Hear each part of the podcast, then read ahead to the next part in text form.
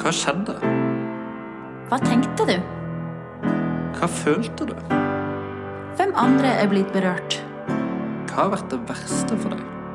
Hva trenger du å gjøre nå?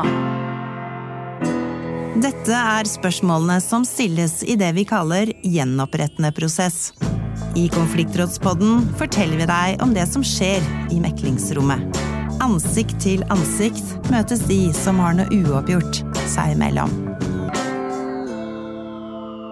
Velkommen tilbake, alle sammen. Det er så godt å se dere.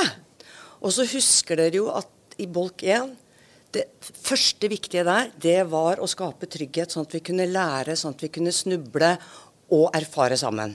Vi var gjennom kjerneverdiene våre. Vi var gjennom grunnprinsippene. Og vi hadde ferdighetstrening. For det å lære mekling, det handler om å gjøre, gjøre, gjøre. Og så har dere jo i mellomperioden lest meglerhåndboka. Fra perm til perm. Dere har også observert meglinger med erfarne meglere, og dannet dere noen tanker og refleksjoner etter disse meglingene. Og det blir jo veldig spennende i dag, for femte dagen er jo en stor del av den viet til å høre fra observasjoner og trekke ut læringspunkter derfra. Er dere klare? Da setter vi bare i gang. Det gjør Konfliktrådspodden også. Vi går i gang med en ny episode. Her hørte dere Kjersti Lille Olsen og Berit Hagen, to av de som står for opplæringen av nye meklere i Konfliktrådet.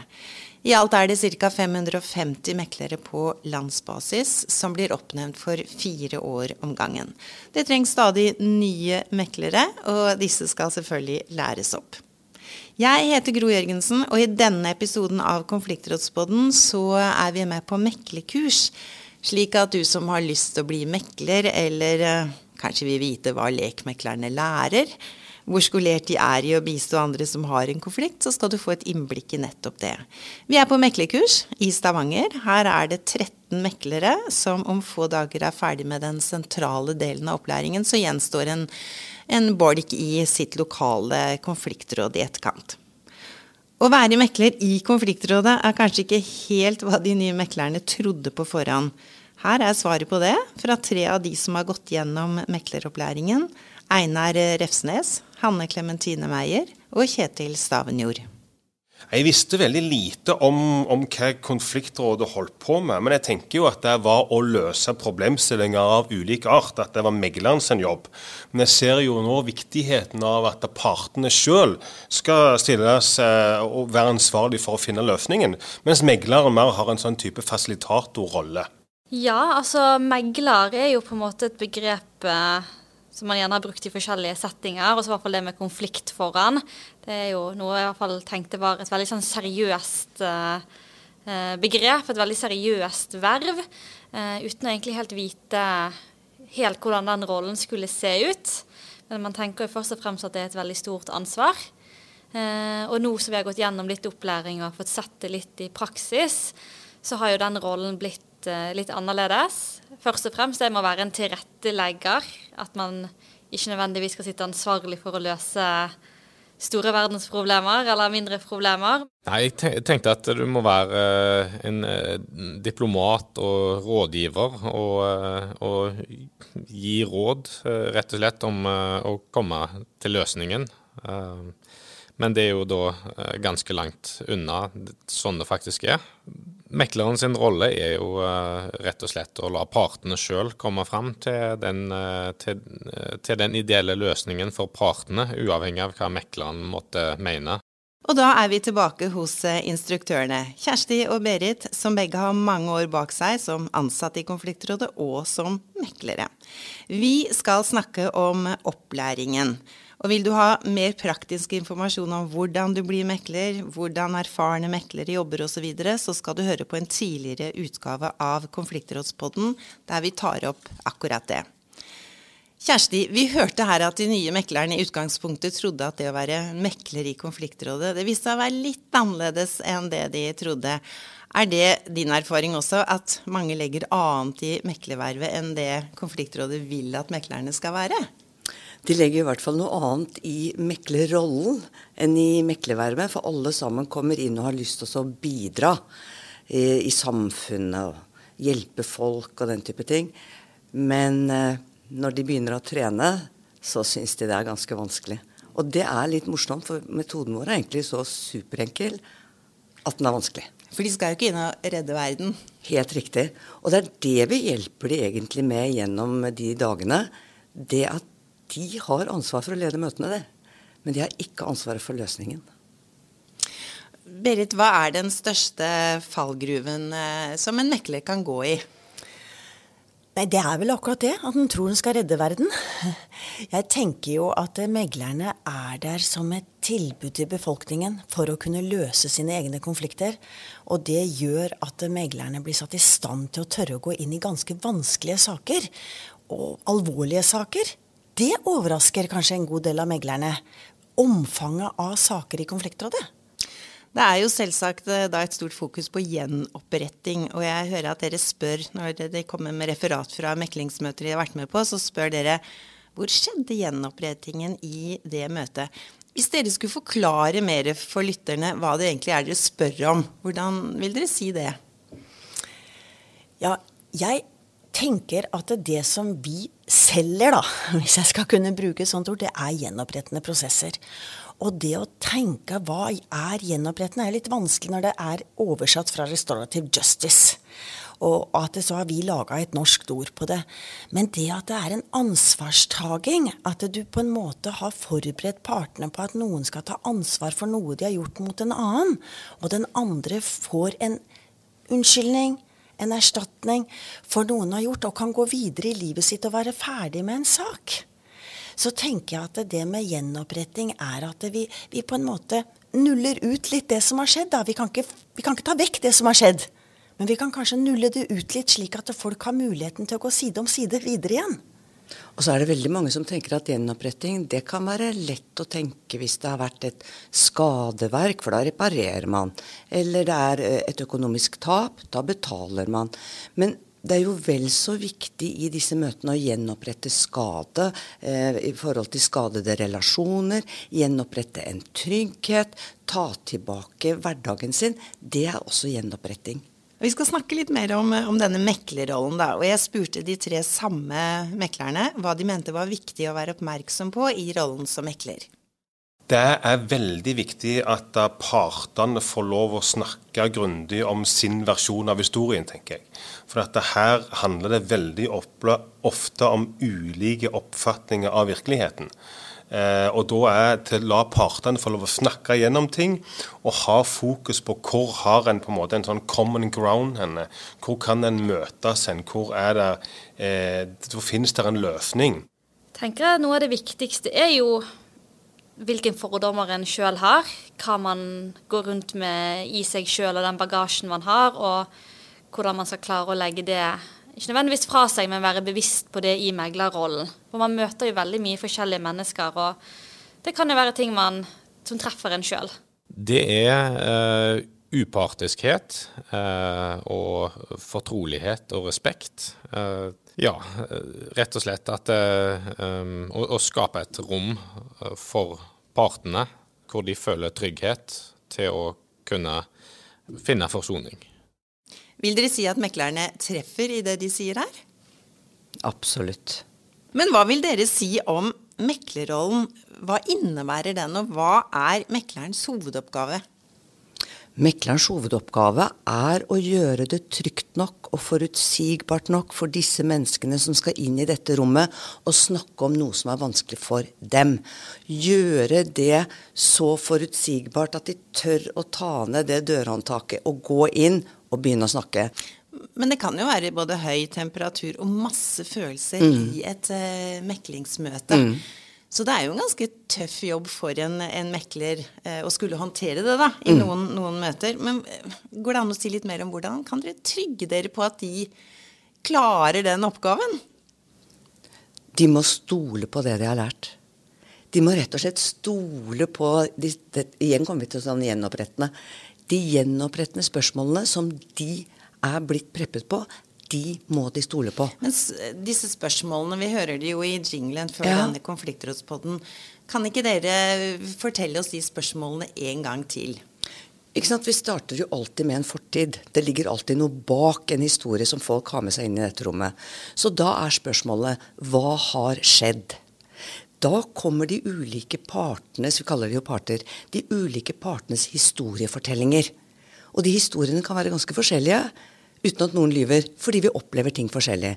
Etter hva skjedde, så kommer hva tenkte du da? Da setter man i gang en refleksjon. Etter det så følger vi opp med hva følte du da? Følelser er viktig i konflikt. Følelsene vil synliggjøre konsekvenser. Følelser vil synliggjøre behov. Og hva trenger du nå? Da begynner vi å bevege oss fremover. Hva skal til for at disse behovene kan dekkes fremover? Det blir også tydelig for den som skal ta ansvar og være med på å dekke noen behov. Og så tenker jeg at meglerne i en sånn situasjon, de er ikke de som skal finne løsningen.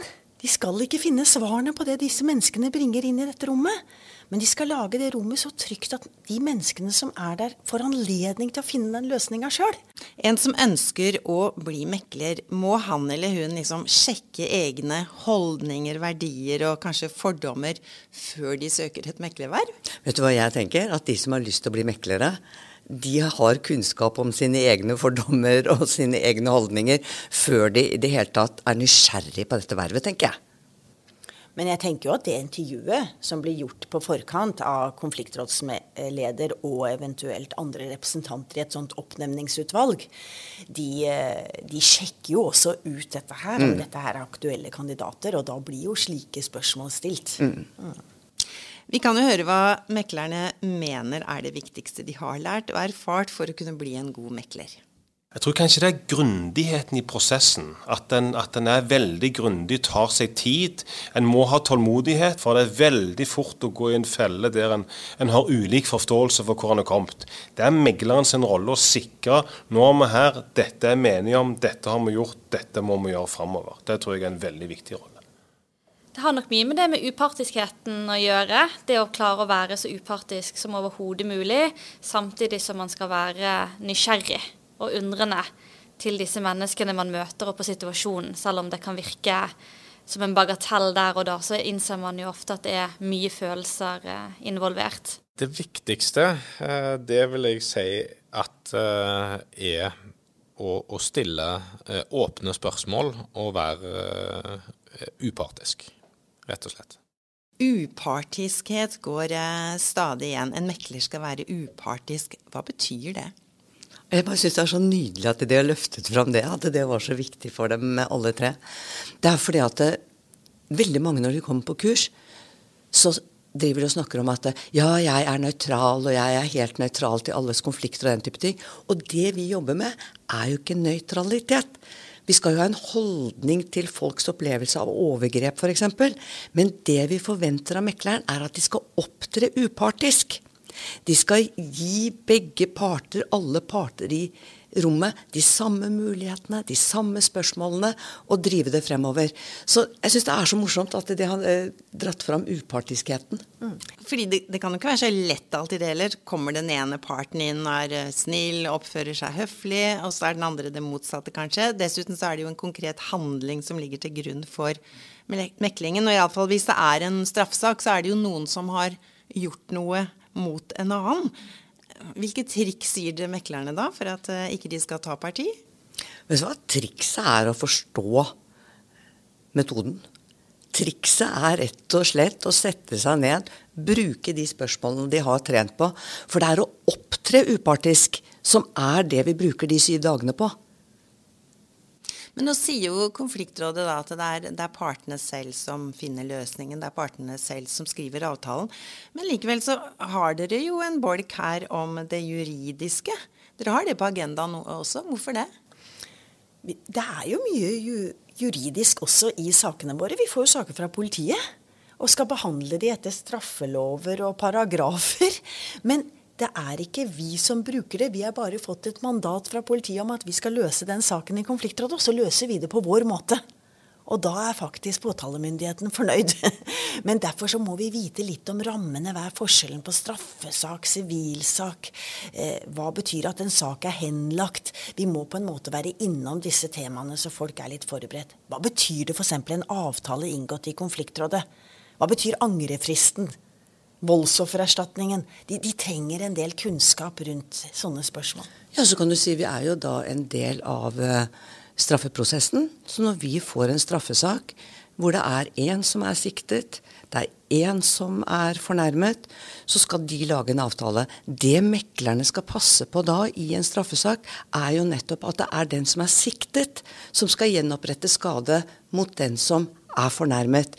I menneskemøter så vet vi at plutselig så kan ting snu, ikke sant? Men det er viktig at meklerne vet at her er det en som har kommet for å ta ansvar, gjenopprette. Det er en som har kommet for å ta imot gjenopprettingen. Der må meklerne holde tunga rett i munnen. Mm. Og da er eh, juridikken viktig. Mm. Disse meklerne som nå snart er ferdig med opplæringen, de vil møte en mer digital meklerhverdag enn det kanskje har vært til nå. En egen meklerportal, eh, så vil meklerne hente ut sakene, skrive inn avtaler der og sånne ting. Og pandemien gjorde jo at mange meklinger ble gjennomført digitalt, altså via skjerm. Og det vil vel fortsette, i hvert fall med noen type meklinger framover, også på den måten. Må meklere forholde seg annerledes til eh, møte da, tenker dere? For Konfliktrådet reklamerer jo med sånn møte ansikt til ansikt. Ja, det må vi fortsette med å reklamere for. Ansikt-til-ansiktsmøtene, det er jo det som jeg tenker er Konfliktrådets viktigste middel i Norge til å løse konflikter. Men at den digitale verden er kommet over oss, det må vi også ta inn over oss. Og jeg så jo under pandemien at det var flere møter som foregikk digitalt, som var helt OK å ha digitalt. Men det var møter hvor folk var så fornøyd med det var så tydelig at noen ønsket å ta ansvar. De trengte kanskje ikke så mye forberedelse. De trengte ikke å se mennesket inn i øyet, selv om du sitter på skjerm. Eh, men jeg syns den digitale verden er kommet i forhold til f.eks. For formøtene. Folk bor langt av sted, eller det er foregått En student har vært i Kristiansand, der jeg kommer fra, og også nå bor han i Oslo. Og så har han gjort noe gærent i Kristiansand på en pub. Og så kan de møtes digitalt. Altså Det er jo noen sånne praktiske ordninger. Men hovedfokuset, mener jeg, og det skal jeg mene hele mitt liv, er ansikt-til-ansikt-møtene. Da er vi ved veis ende. Nå er grunnmuren skapt. Lykke til. Og for all del, fortsett å være like nysgjerrig som dere var på disse syv dagene vi har hatt sammen med dere. Jeg ønsker dere virkelig lykke til videre i meglervervet. Takk for oss.